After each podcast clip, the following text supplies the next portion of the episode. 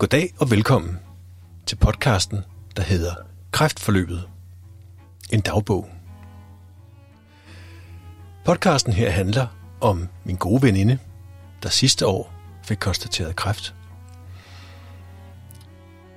Vi følger hende i øh, hendes kræftforløb. Øh, hun er allerede blevet opereret, øh, og øh, i, i, både i bryst og lymfer. Og øh, situationen, hvor vi starter, det er, at hun nu er i behandling med kemo, og senere hen også skal have noget strålebehandling. Ideen er at følge hende, lade hende fortælle sin historie om sin sygdom, og ikke mindst om alle de tanker og alt det, der i øvrigt følger med at have kræft.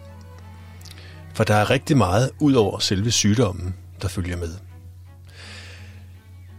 Det øh, kan selvfølgelig være en form for selvterapi at lave den her form for podcast. Øh, men det er også tænkt til at kunne forhåbentlig være noget for andre i samme situation, om det så er dem, der er kræftramte, eller pårørende, familie og venner, der gerne vil vide lidt mere om, hvordan det er at have kræft og være i behandling for det. Der vil være lange, der vil være korte podcasts. Det er, det er, det er der ikke noget system i.